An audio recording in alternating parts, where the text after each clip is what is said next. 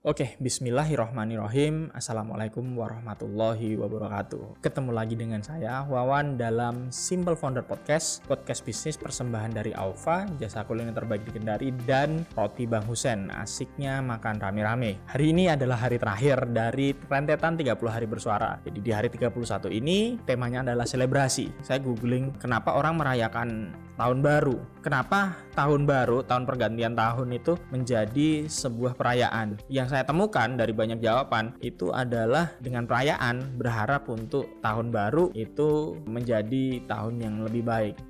Makanya pesta tahun baru itu selalu meriah karena semua orang berharap, semua orang mengeluarkan energi positifnya agar di tahun berikutnya, di tahun 2000 dalam hal ini saya ngomongin tahun 2021 itu adalah tahun yang lebih baik dibandingin tahun 2020. Saya juga berharapnya begitu tahun 2021 lebih baik dari tahun 2020 bukan hanya dari sisi pendapatan karena saya ngomongin bisnis, tapi e, juga dari sisi efisiensi kerja, keselamatan kerja dan segala macam lainnya. Tentu saja kalau ngomong secara global, berharapnya wabah itu terselesaikan.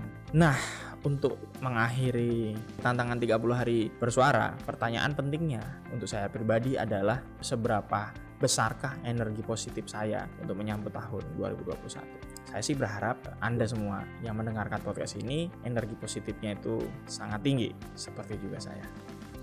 Terima kasih sudah mendengarkan podcast kali ini. Wabillahi taufiq hidayah. Wassalamualaikum warahmatullahi wabarakatuh. Ding.